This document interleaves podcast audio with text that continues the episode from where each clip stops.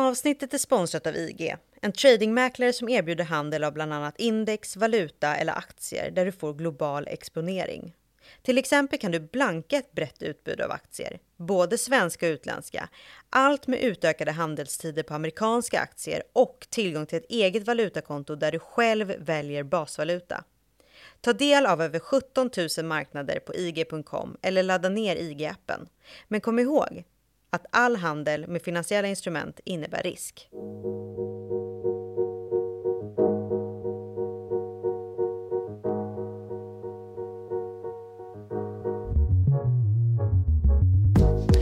Över gräddan av världens högst värderade bolag skiner en slående realitet som varit gällande sedan de globala techbolagen fick sitt stora genombrott under 2010-talet. Bland de tio högst värderade företagen i världen lyser nämligen det rika Europa, världens efter USA näst mest välbärgade ekonomiska område, med sin fullständiga frånvaro.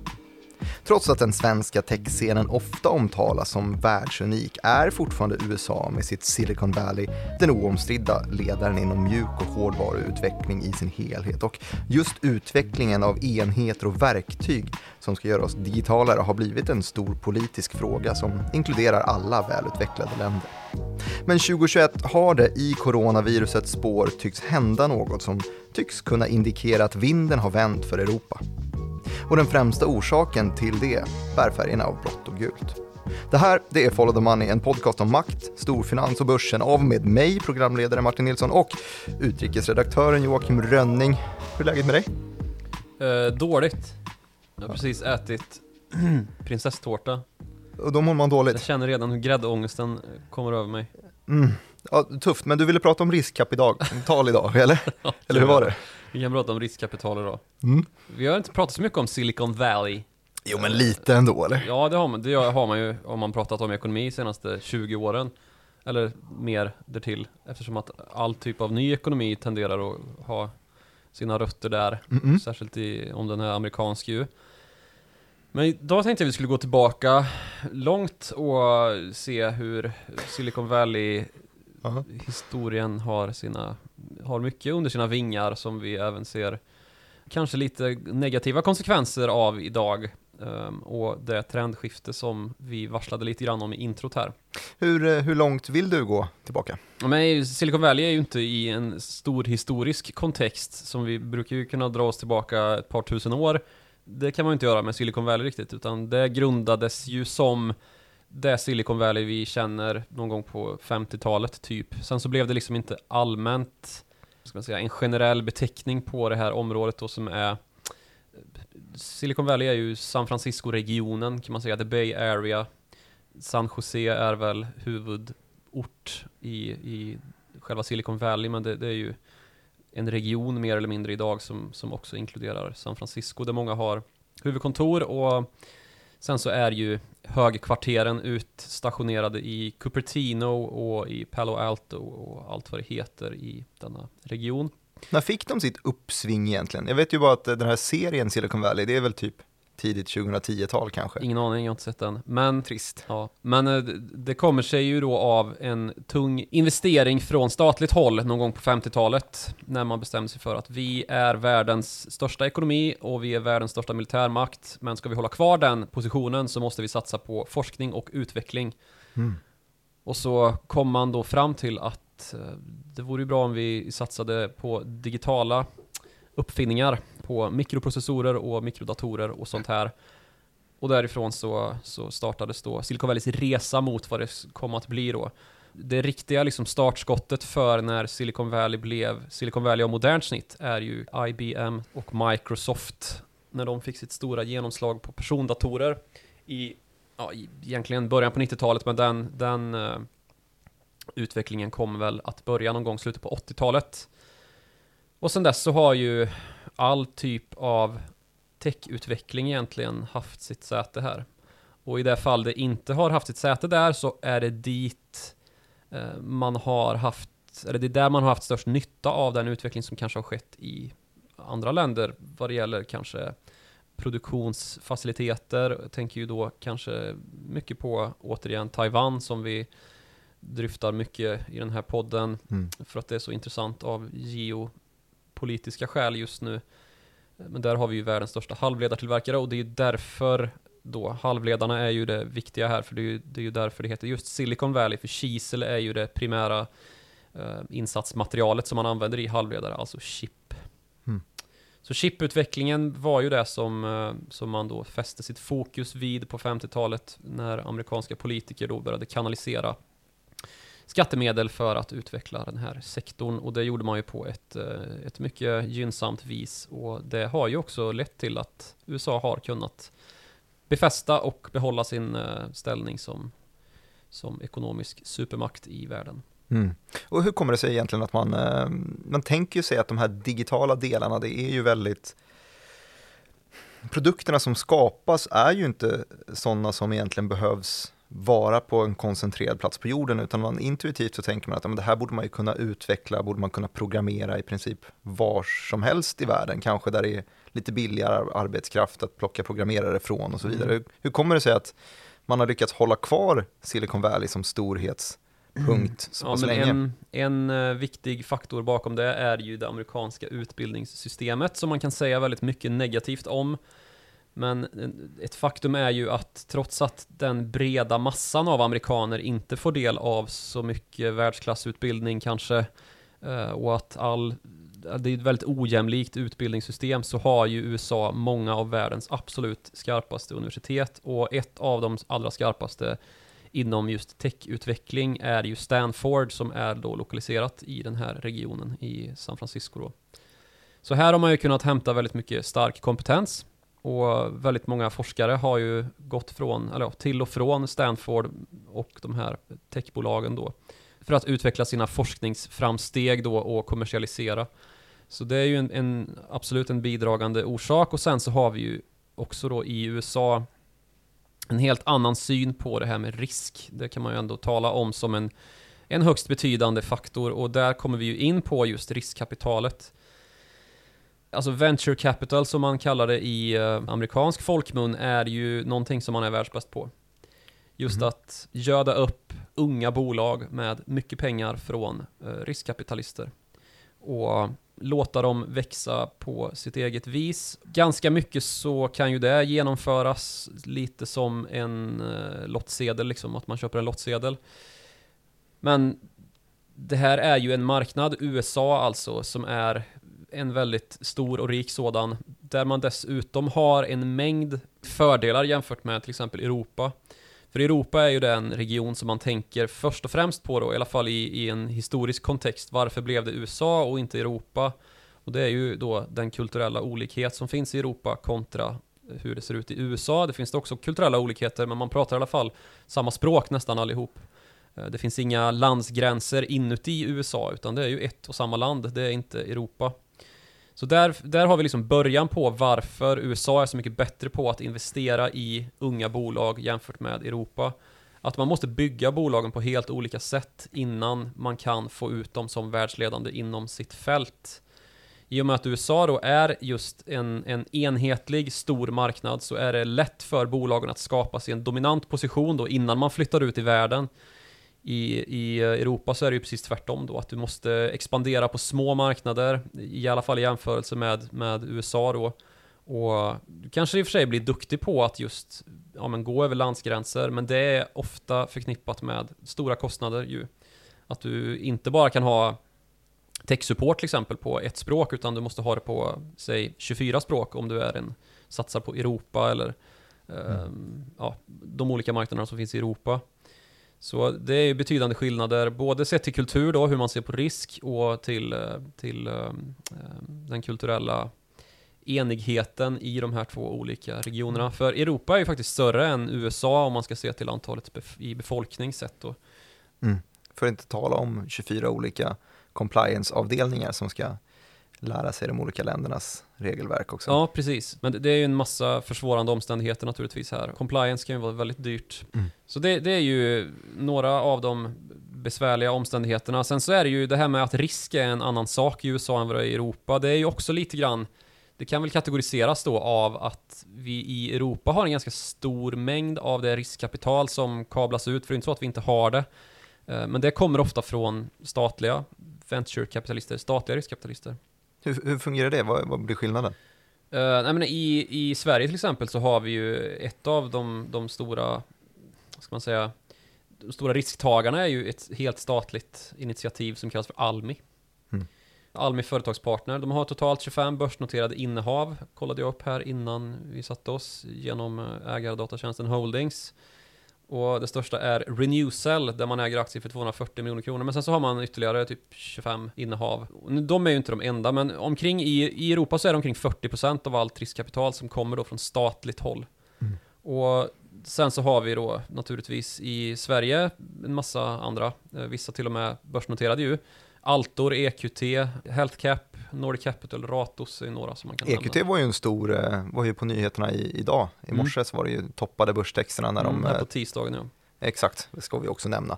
De köpte en stor stek i Storytel, 10% av, av Storytel, eller hur? Mm. Det är lite kryddigt ändå, det är kul. Mm, eh, kan man säga. Men de har ju en del innehav i, har de, Afry och um, Biogaia och lite allt möjligt. Mm. eh, I den där fonden som köpte in sig i Storytel nu. Men så, så det här är ju inte någonting som man ska märka som att det är så stora skillnader att det bara är statliga riskkapitalbolag som går in i, i Europas startup-scen, utan det finns ju naturligtvis liknande drag över hit till oss också. Mm.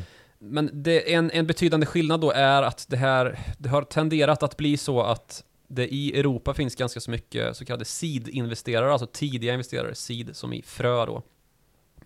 Att i de tidiga rundorna av kapitalanskaffning för, för unga bolag då så, så finns det mycket riskkapital som, som kan kanaliseras ut. Men sen så är det betydligt tuffare att få det här tillväxtkapitalet, alltså när man har en, en stabil affärsmodell kanske som har blivit lite erkänd och man vill börja växa, alltså lägga under sig en marknad och börja dominera mot sina eventuella konkurrenter då. Mm. I det steget, för det är ju betydligt då, behöv, behövs ju mer kapital, där är det betydligt tuffare.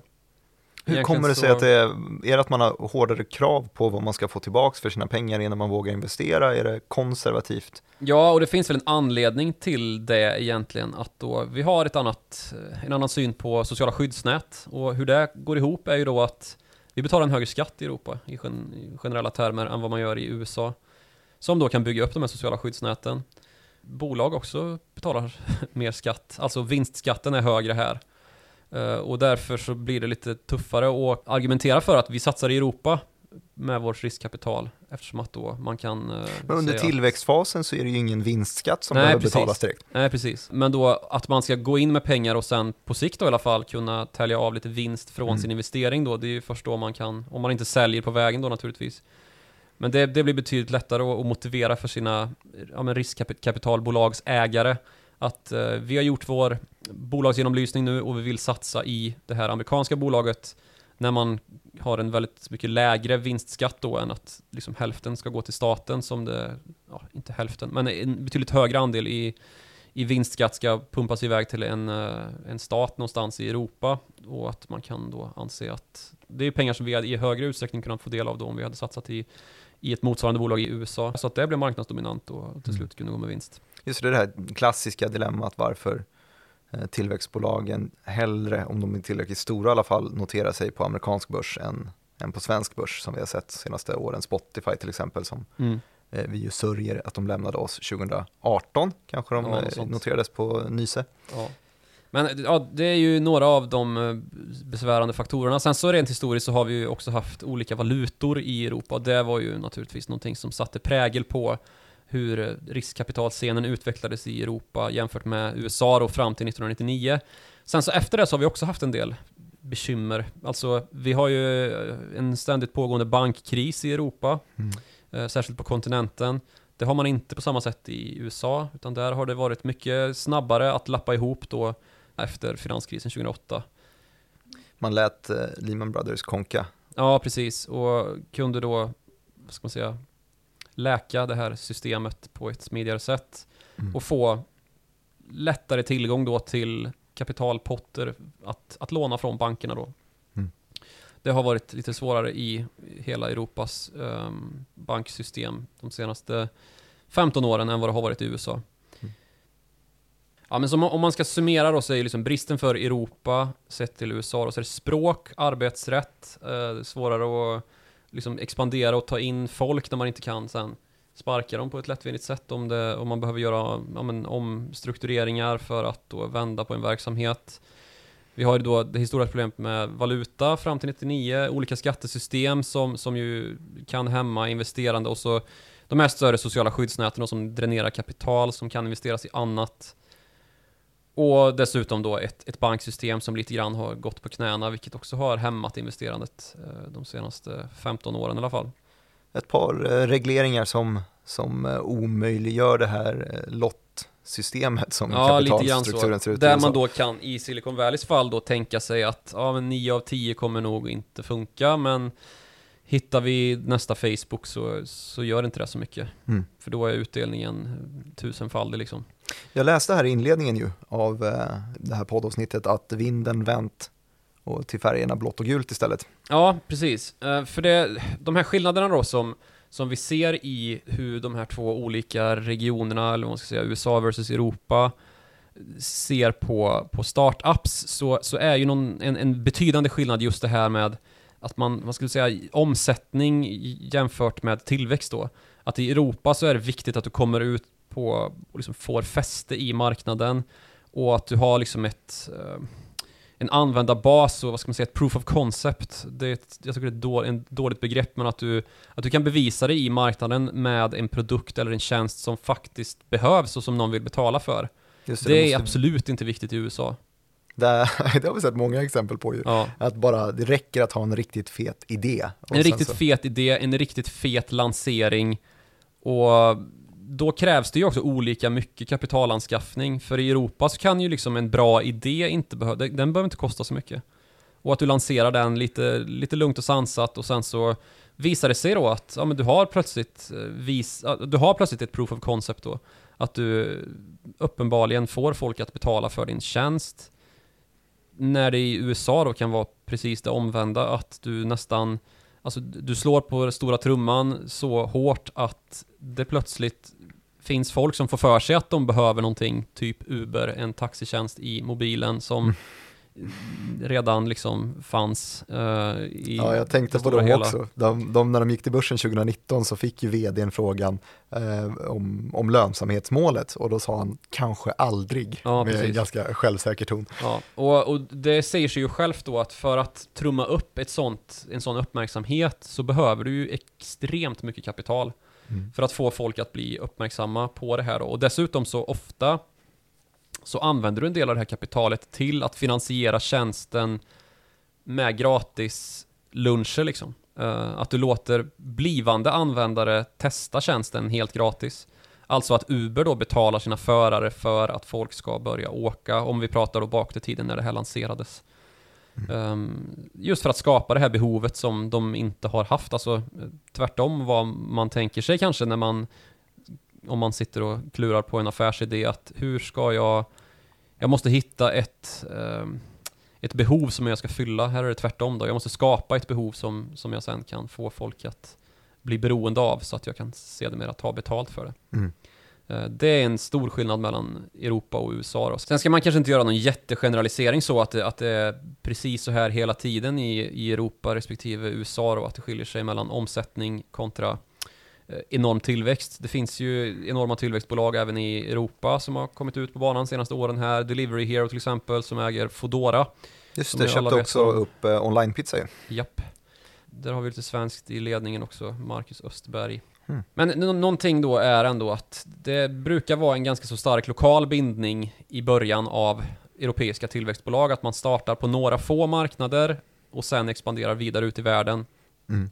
Och det är ju det, det, det liksom är ju också i linje med då att det blir lite mer småskaliga satsningar som inte kostar lika mycket och som kräver kanske ett, eh, ett, en, ett bevis i marknaden för att det är en tjänst som behövs innan man liksom rullar ut en gigantisk satsning på massa olika språk och testar i en massa olika marknader så, så blir det ett par testmarknader och i USAs fall så, så då krävs det ju kanske för att kunna lägga hela USA under sig en betydligt större satsning då naturligtvis.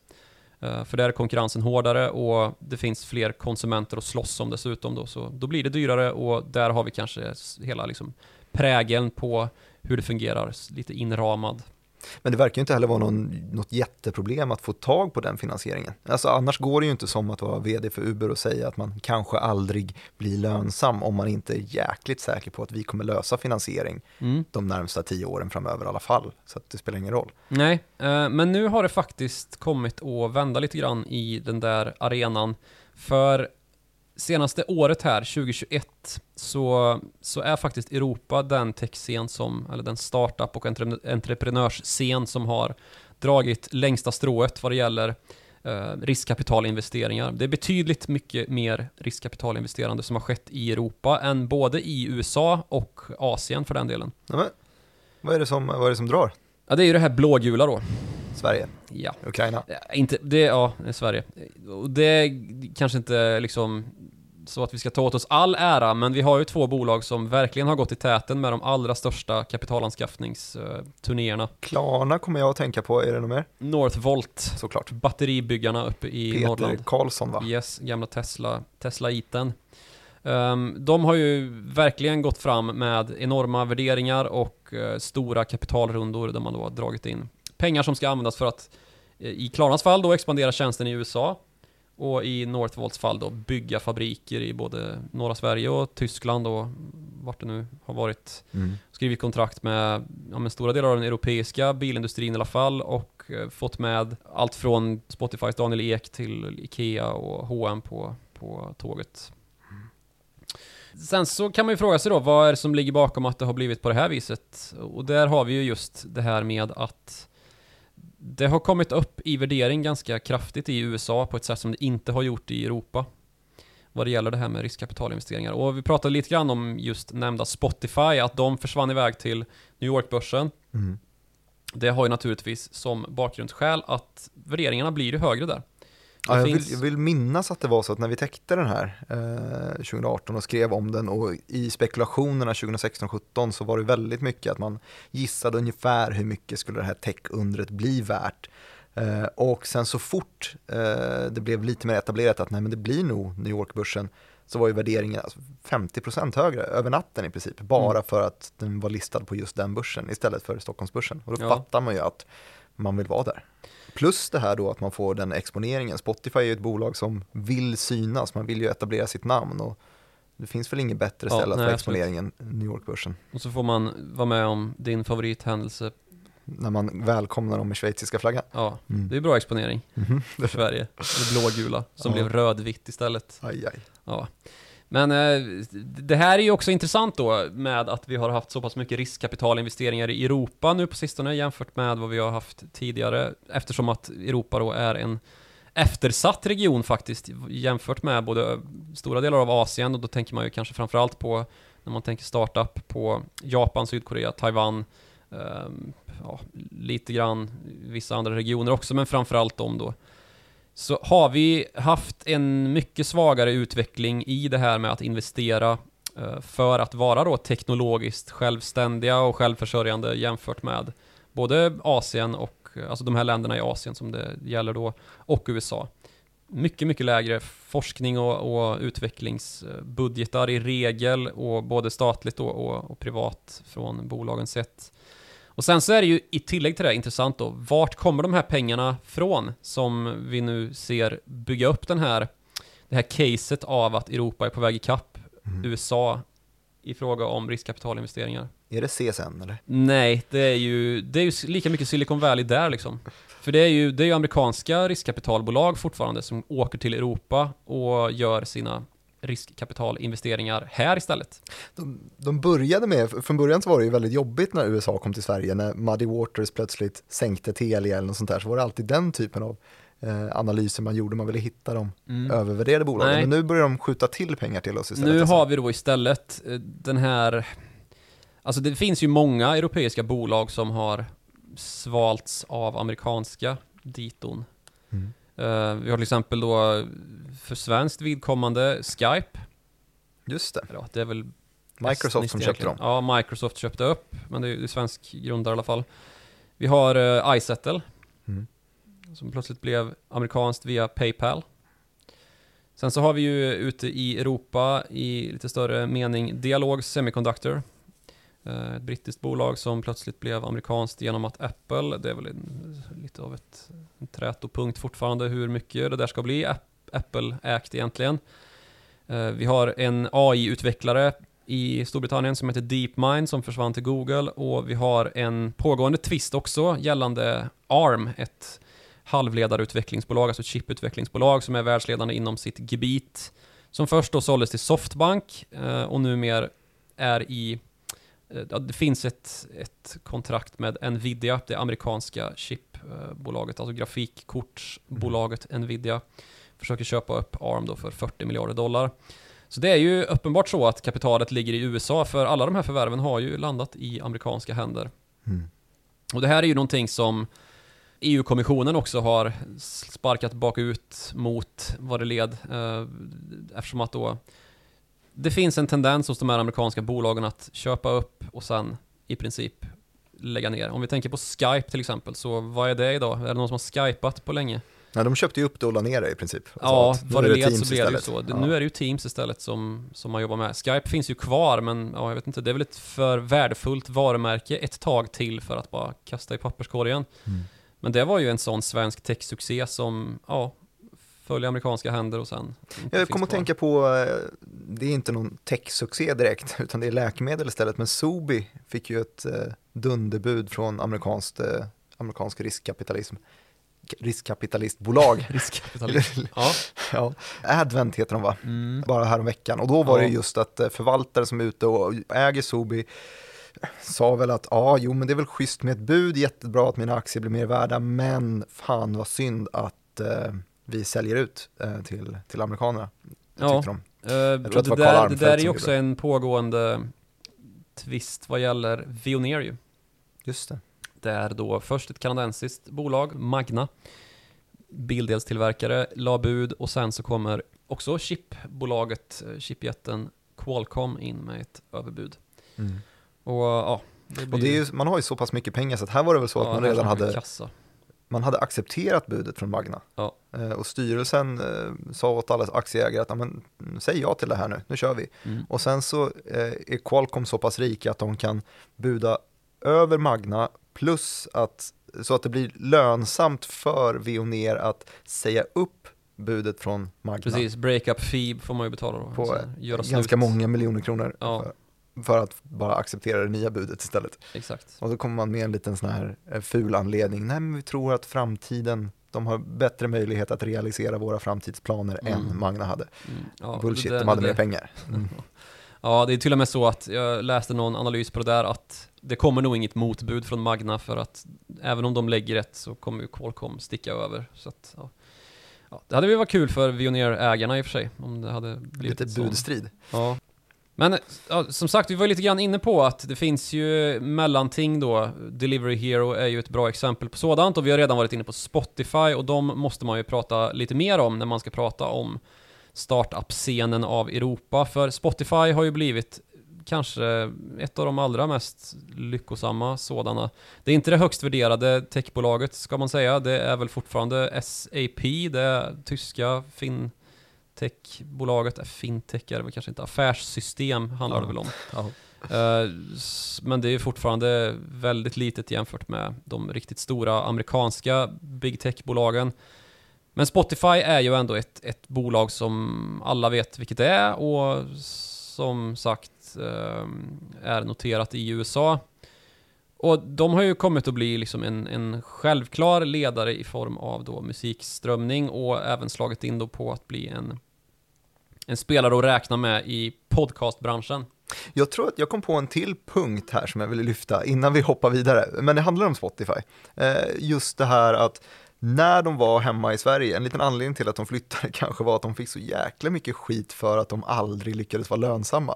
Det är ju, som du nämnde här i början, det är lite lägre krav på det i, i USA, så de kanske kände att men där är vår hemmaplan, där får vi möjlighet att, att växa och inte lika mycket skeptiska ögon mot oss just på att vi inte tjänar pengar. Ja, precis. För de har ju gjort det här i 15 år nu utan att tjäna några pengar.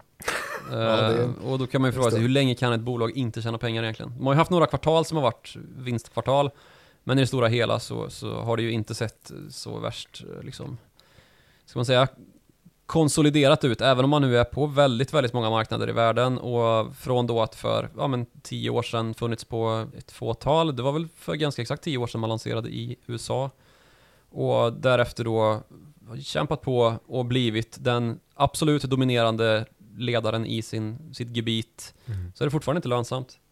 Nej, men jag förstår ju ändå att man vill konkurrera ut såklart. Man vill Ja. plocka monopol, man vill växa. Men det finns en grej som gjorde att eh, jag kommer ha svårt att, att lämna Spotify. Jag har såklart haft Spotify-konto länge som de flesta svenskar har kanske. Eh, och en grej som är svår att konkurrera med är just att man har haft den historiken. Att man har tio år av spellistor på Spotify eh, som man gärna skulle behålla. Alltså man behöver ju ha en, en, en konkurrerande tjänst som är ordentligt mycket billigare eller ordentligt mycket bättre för att man skulle ta steget och byta och kasta undan alla sina spellistor. För det är ju otroligt kul att med typ gamla kompisar och lyssna igenom någon gammal spellista och fatta då hur eh, värdefullt det kommer vara när man har 30 år på nacken eller 40 år på Spotify i nacken och visa sina barn att man lyssnade på Dr. Bombay och Markoolio. Det kommer vara otroligt. Vinylkungen. Aha. Ja, nej, de kommer nog se på dig som du ser på din farfar när han ska dra fram vinylskivorna då. Ska jag tippa på. Ja. Mm. Nej men eh, faktiskt nu i förra veckan här så skrev jag en text om YouTube som då har en satsning på nästa generations, alltså inte, vi är ju millennials-generationen som då har växt med Spotify de senaste 15 åren. Nu gör YouTube en satsning då som, som enligt chefen för den här YouTube Music-satsningen då ska vara generation Zs upplevelse, motsvarighet då till vad millennials-generationen fick med Spotify. Där man då ska fokusera mer på kombinationen av ljud och bild, alltså lite grann en återgång till MTV-generationen och eh, musikvideornas era. Mm. Ja, får vi se hur det går med det där. Det finns väl vissa satsningar på dylika saker från Spotifys sida också. Då kanske framförallt inom podd. Man gjorde ju en satsning med Joe Rogan, den store podcastmakaren, för eh, nu är det väl något år sedan man, den affären blev klar som enligt ryktet gick på 100 miljoner dollar. Men det ser ju kanske inte ut att ha slutat i en sån jättestor succé.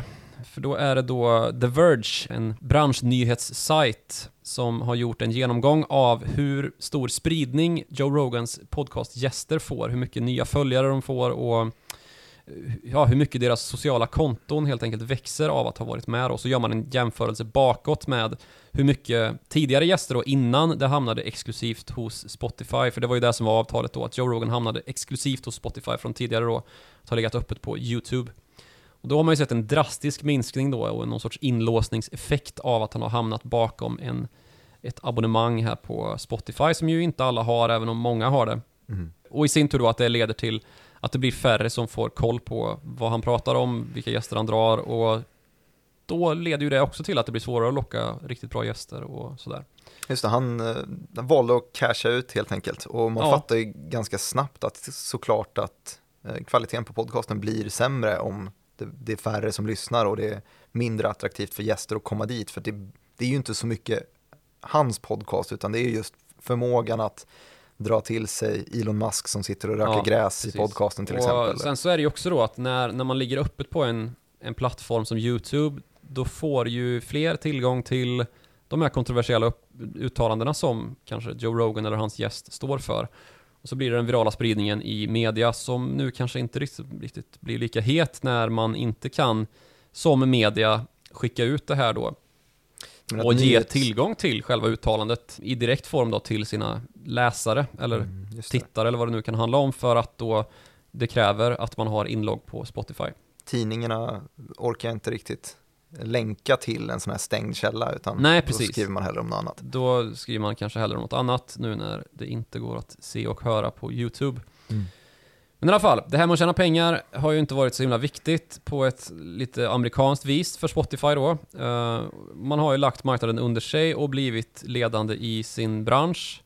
Men det har ju kostat och förutom direkt efter börsnoteringen och mellan mars 2020 och mars 2021 så har också Spotify-aktien varit stad i ett ganska så stabilt fall. Om man tittar i årsgrafen hittills så är Spotify ner med 20% samtidigt som Eh, breda amerikanska indexet S&P 500 är upp med 20%. Så den här vaccineffekten tycks ju funka för världen men inte för Spotify riktigt. För det var ju just i coronans år då mellan mars 2020 och mars 2021 när det var lite kämpigare som aktien var, ja men då gick det bra för Spotifys aktie och eh, det var kul att investera i musikstreaming. När eh, vaccinen kom ut på banan så, så har det inte gått lika stabilt.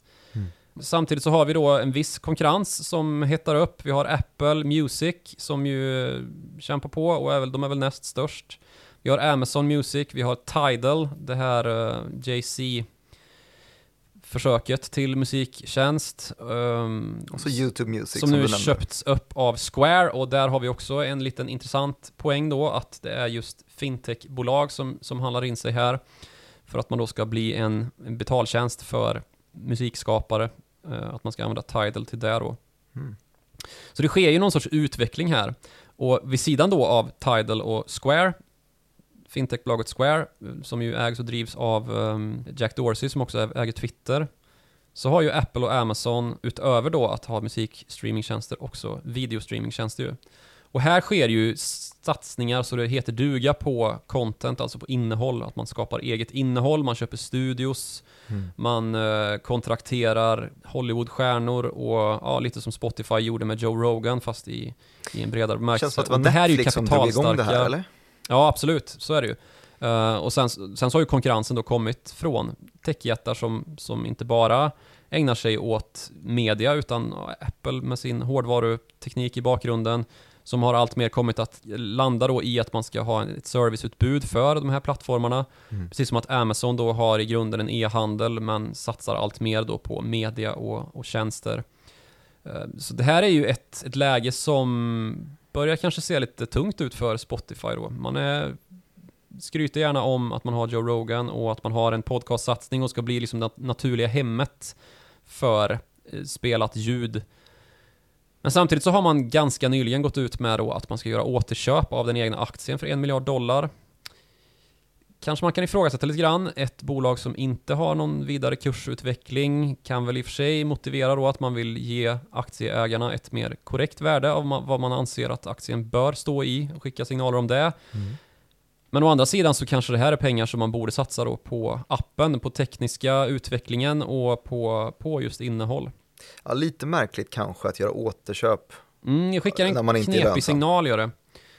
Eh, och samtidigt då som man har den här enorma konkurrensen ifrån så kassaintensiva jättebolag som Apple, Amazon och även då underifrån med, Mm. från, från eh, bolag som försöker gifta ihop den här musikstreamingfunktionen med då andra tjänster som fintech till exempel. Spotify i sig har ju, eh, vi, vi eh, publicerar ju den här podcasten på Spotify till exempel och därigenom så får vi nyheter om deras fortsatta podcastsatsning och det var ju tidigt, det var ju säkert ett år sedan, Mm. som vi fick i mailkorgen att det var dags för, för videopodd snart. Mm. Men det, det verkar inte ha kommit fram riktigt här. Nej, det det, skulle vi ju ungefär. gärna hoppa på.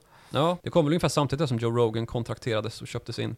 Mm. Eh, Sen så har det väl, jag vet inte om det fanns någon tidsplan i det där, att det skulle dröja lite, att man kunde testa lite grann ett tag och sen Ja, det har i alla fall inte blivit någon, någon lansering av den tjänsten än. Mm. Vi får väl se vad som ligger i pipen. De har ju såna här release-event, eller vad man ska säga, eh, där man då, Daniel Ek eller någon, någon eh, produktchef går ut och berättar i en flådig presskonferens, brukar få inbjudningar till sådana hit till byrån, om då vad som, vad som ligger i rörledningen. Så det kommer säkert, men ja, lite konstiga, lite konstiga budskap i alla fall när man, när man skickar ut ett sånt återköpsprogram istället för att fortsätta investera i en så här Vi får se om kanske Acast plockar upp facklan eller någonting på Ja. poddsidan. Ja, det var ju också en uh, satsning med bild, bildpodcasts. Jag vet inte om man håller på med det fortfarande. Jo men det gör man. Det gör man. Ja. Om man lyssnar på ett par podcasts så, kan så hör man ibland och ni som lyssnar via Acast kan nu se en bild i appen som Det är så beskriver. fortfarande? Ja, så är det. Mm, Så är det, absolut. för all del. Jaha, var, var hamnar vi nu i? i? Ja, men det... Ja, vilken, vilken, eh, vilken bra fråga. Just det, det är mitt jobb att ställa bra frågor. Ja. Ja. Nej, men vi, vi hamnar väl i ehm, att det är inte... det är ju inte bara Spotify som har vinstproblem, ska vi säga, i den här branschen av startups. Gud nej. Det, jag läste en artikel häromdagen med, alltså jag tror att de listade 14 och var de flesta var sådana här giganter som man tänkte, just det, eh, vänta, tjänar inte de här pengarna? Så det är liksom Airbnb, det är Snap, Mm. det är eh, Pinterest, det är WeWork, det är, jag vet inte, hur många som helst av de här. Uber såklart var ju där, Mm. topp på den här listan. Man är också ganska bra på att eh, komma så nära vinst som det bara går med olika bokföringsmässiga abrovinscher och definitions... eh, Såg du, såg du Uber, Kjelle? Det är någon annan som har gjort det här jobbet, så jag tar inte cred för det. Men de gjorde en kartläggning av, för Uber, eh, de redovisar då sin justerad ebitda, alltså sitt eh, vinstmått här. Eh, istället för att bara redovisa ebitda. Så att om man Ja, vad är ebitda? Får du... Earnings before interest, taxes, depreciation and amortization. Wow, du kan det här. Ja, det kan jag. Ja, så det, det är avskalat för Ja, för en jäkla massa punkter. Så då eh, när man lägger till det här ordet justerad ebitda, då får man helt enkelt alltså, det är någonting som, ehm, som man ser ganska ofta, eh, ofta genom bolag som har, där har varit en exceptionell händelse just det här kvartalet, så redovisar man justerad ebitda för att man, jag vet inte, gjorde en nyemission den här, det här kvartalet och det var kostnader i Får samband man med, betala en investmentbank för att... för att hjälpa med nyemissionen exakt och därför gick det en miljon man extra åt det här. Och då, om man, om man bortser från det så har den operationella verksamheten gått framåt. Så Mm. använder man ofta justerad. Det, man kan justera för valuta, eh, förändringar och så vidare om man, om man säljer sånt utomlands och så vidare. Uber har 13 punkter under sin justerad. Så att den ojusterade ebit, eh, ebitda landar på sådär 7,5 miljard i förlust, dollar då. Eh, Men den justerade är bara minus 2,5 miljard. Eh, och då har man här, jag vet inte om, jo men jag kan väl läs, läsa upp hela. Första är då alltså, eh, vi definierar justerad ebitda som nettovinst exklusive vinst från avvecklad verksamhet minus inkomstskatter.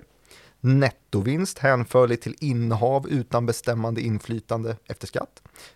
3. Avsättning för vinst från inkomstskatt. Inkomst från investeringar enligt kapitalandelsmetoden. 5. Räntekostnad. 6. Övriga intäkter. 7. Avskrivningar. 8. Aktiekompensationskostnad. Ja, vi Nio- pausar ja, där fattar. Och den sista, den sista feta punkten, punkt 13, är andra poster som inte är ett tecken på vår pågående operativa prestanda, inklusive covid-19, inklusive bla bla bla, inklusive, ja. Ja. Och så bara raddas den här och på så sätt så lyckas de på ett kreativt sätt skala av sådär en 5 miljarder dollar från eh, resultatet och få det som att det ser ut som att de ändå är Ja, hyfsat precis. nära nu. Man, man skalar av 5 miljarders förlust med lite bokföringsmässiga eh, ja, definitioner och så, och så ser det bättre ut än vad det egentligen är. Det är ju någonting som man är fruktansvärt bra på Ja. i USA. Men det här, precis, i USA. Och USA är ju i bolagssammanhanget lite av en gigantisk ljugarbänk. Ja, Och det har det varit ända sedan de första stora, det som sedermera kommer att bli konglomeraten, kom till. Mhm. Ehm, och då, när man ska prata uppfinnare och uppfinningar, så kan man ju börja med att prata om Thomas Edison. Jag visste att du skulle längre bak i historien. Ja, Ja. nu hamnar vi lite längre tillbaka i historien än vad Silicon Valley Ja, skitsamma, berätta om Edison. Ja, Silicon Valley var ju 1950-tal som det liksom blev någonting att räkna med, eller som det liksom stöptes. Thomas Edison dog väl på 30-talet, men det är ju då, vad ska man säga, USAs Leonardo da Vinci ungefär. Han uppfann ju bland annat glödlampan och det skapades ju någon sorts myt om det där liksom. Jag vet inte om det är sant eller inte, men att han såg på uppfinningar som någonting som man realiserade då genom att bara iterera. Alltså iterera, testa, försöka, försöka igen. Man då bara lär sig hela tiden och till slut så lyckas man. Men det han använde sig av var just det här med att tänja lite grann på sanningen då och hävda att jag har löst det, även om han inte hade löst det för att få in satsningar då, alltså kapital. Den Mm. tidens riskkapital för att kunna fortsätta då. Och glödlampan är ett sånt bra exempel, för det testade han och testade och testade och testade. Och till slut då så hittade han rätt lödtråd i rätt vakuum och så löste Wolfram, eller vad använder man? Ja, jag vet inte. Men i alla fall, ehm, om man tittar på dagens Silicon Valley så finns det ju ett betydande arv av Thomas Edisons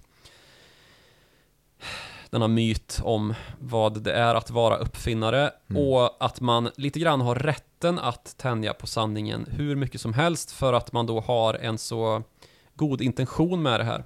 Det blir ju en ganska vacker historia nästan när man har kämpat, kämpat, kämpat för att få Precis. igenom sin uppfinning och ja, okej att man ljuger lite, att det Ja. har gått bättre än vad det egentligen har gjort, men Vattendelaren är ju att man måste lyckas, så är det ju. som Thomas Edison gjorde med glödlampan. Så därför är han hjälte. Det finns ju väldigt många exempel där det har gått precis omvänt. Att man har ljugit och hittat på och sagt vi är nära en lösning eller till och med vi har löst det. Det funkar. Tänker du på Trevor Milton igen nu?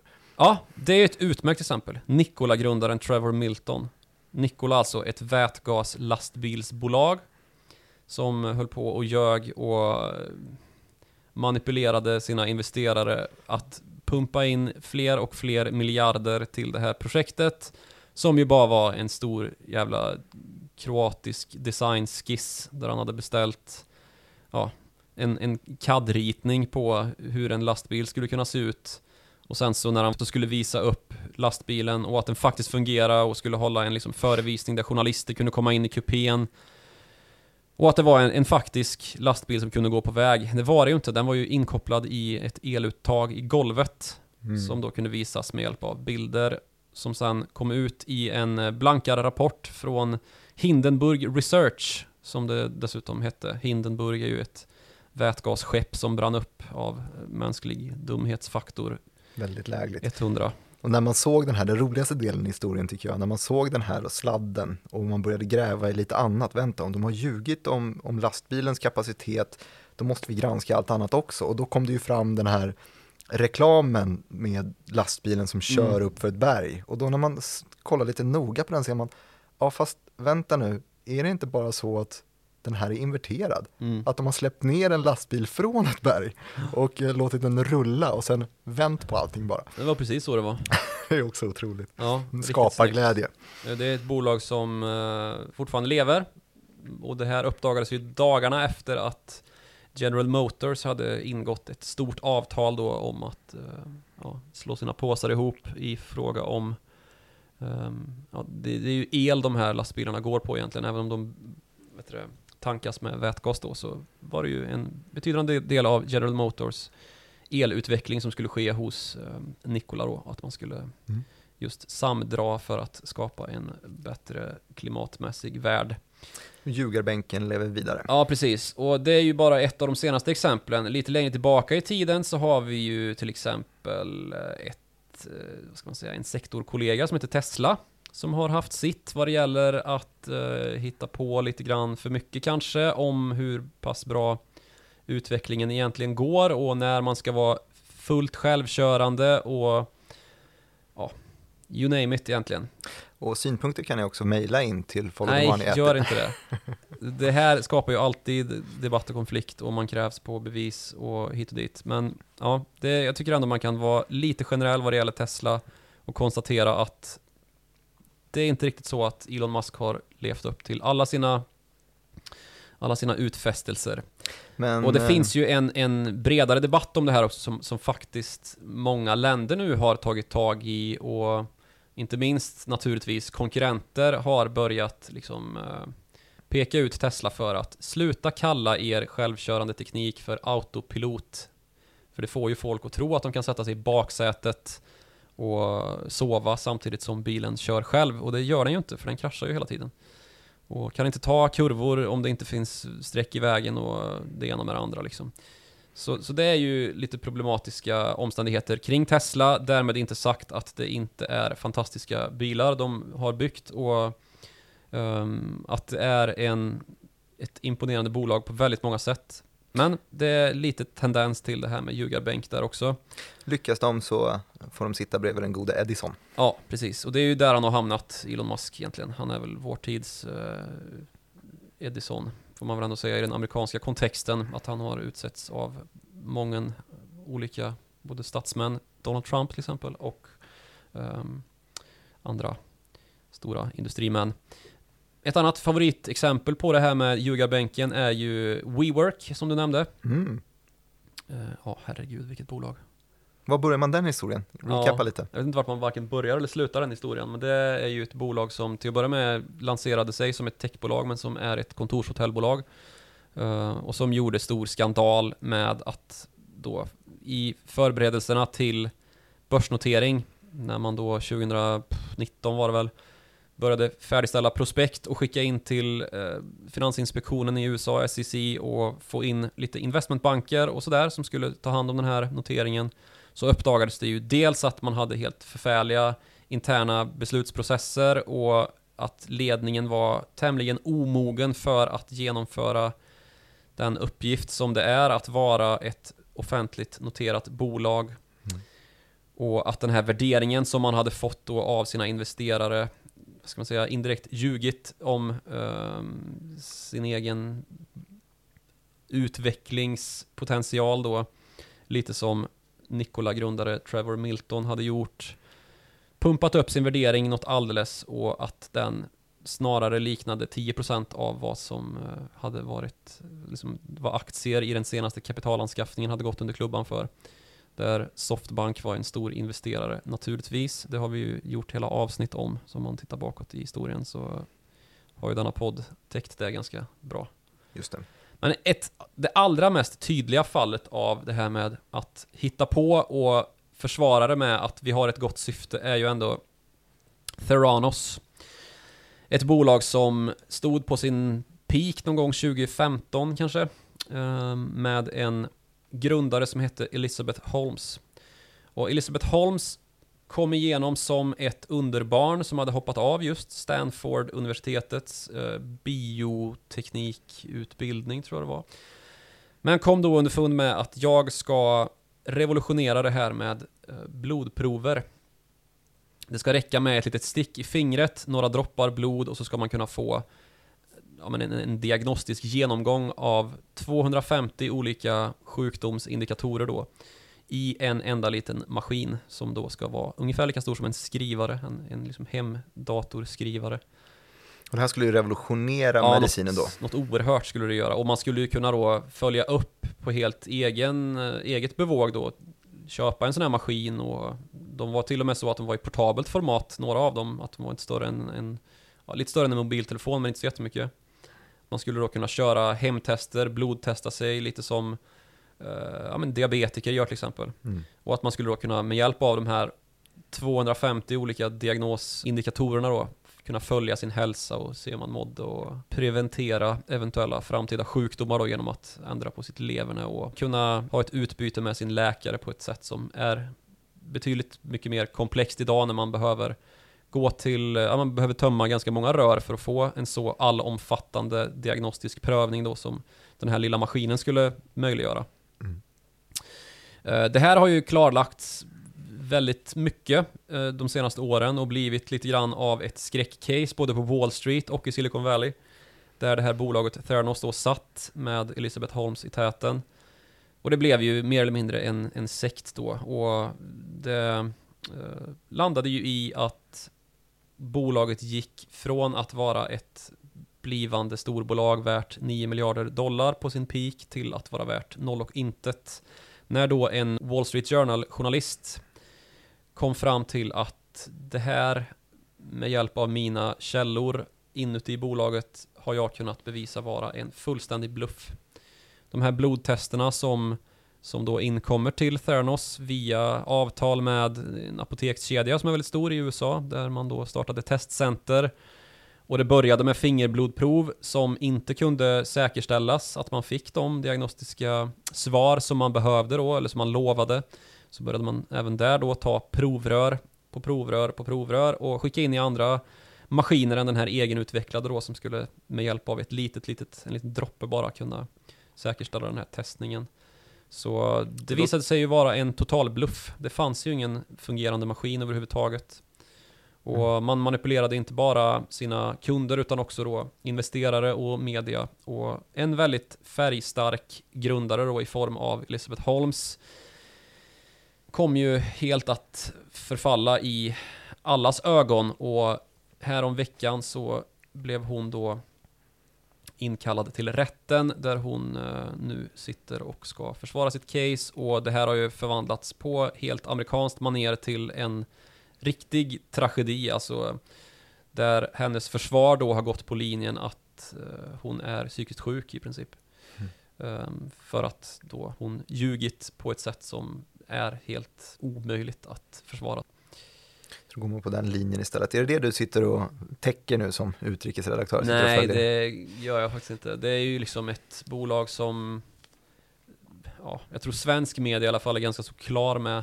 Mm. Det är ju en me- Mest av allt som sagt en, en, en tragedi, kanske man ska, man ska inte säga i amerikansk anda utan snarare i grekisk anda liksom att folk sitter och gottar sig i det här. Eh, jag vet inte hur stort allmän intresse det finns för det i Sverige. Man får väl skriva om domen sen vad det lider. Mm. Om hon nu blir dömd. Eller vad det landar i. Rättspsyk. Ja, det får man väl kanske hoppas att hon slipper. Men det, det är ju en eh, bruten kvinna i alla fall. Eh, en ung bruten kvinna som eh, just anammade det här med att ändamålen, eh, vad, säger, vad säger man, målet helgar medlen. Att man skulle just revolutionera blodtestning och man skulle kunna möjliggöra en framtid med hälsosammare människor som kunde testa sitt blod och sin fysiska vigör på ett billigare och smartare sätt. Men det slutade ju i total pannkaka och ja, allt det här skenet som kom då av att hon gled omkring i Steve Jobs polotröja och var mystisk men väldigt färgstark var ju just ett stort skådespel. Som värderades till 9 miljarder dollar på sin peak. Just det. Eh, Jag hann inte säga klart förut på sätt eller när man kan nå oss. Eh, För nu känner jag att avsnittet börjar lida mot sitt slut, Jaha, eller hur? du. Hur är det Eh. med min gräddångest kan du kanske undra? om Den är, Jag tänkte faktiskt precis fråga hur det är med din gräddångest. den är den har inte riktigt kommit än, jag trodde den skulle komma under avsnittet. Den kanske motas bort av att du har fått prata väldigt mycket i alla fall. Det är något du tycker om. Eh, Känner mig vital av det. Ja, bra. Man når dig på Liksom Elizabeth Holmes. känns också vital att få prata och synas. Mm. Eh, Man når Joakim Ronning på just det på Twitter, snabel Joakim Ronning, alltså man når oss båda på followthemoney.direkt.se och mig når man på snabel direkt Martin. Tack så mycket för att ni har hängt med den här veckan och lyssnat och vi är tillbaka igen på onsdag om en vecka. Vi hörs då.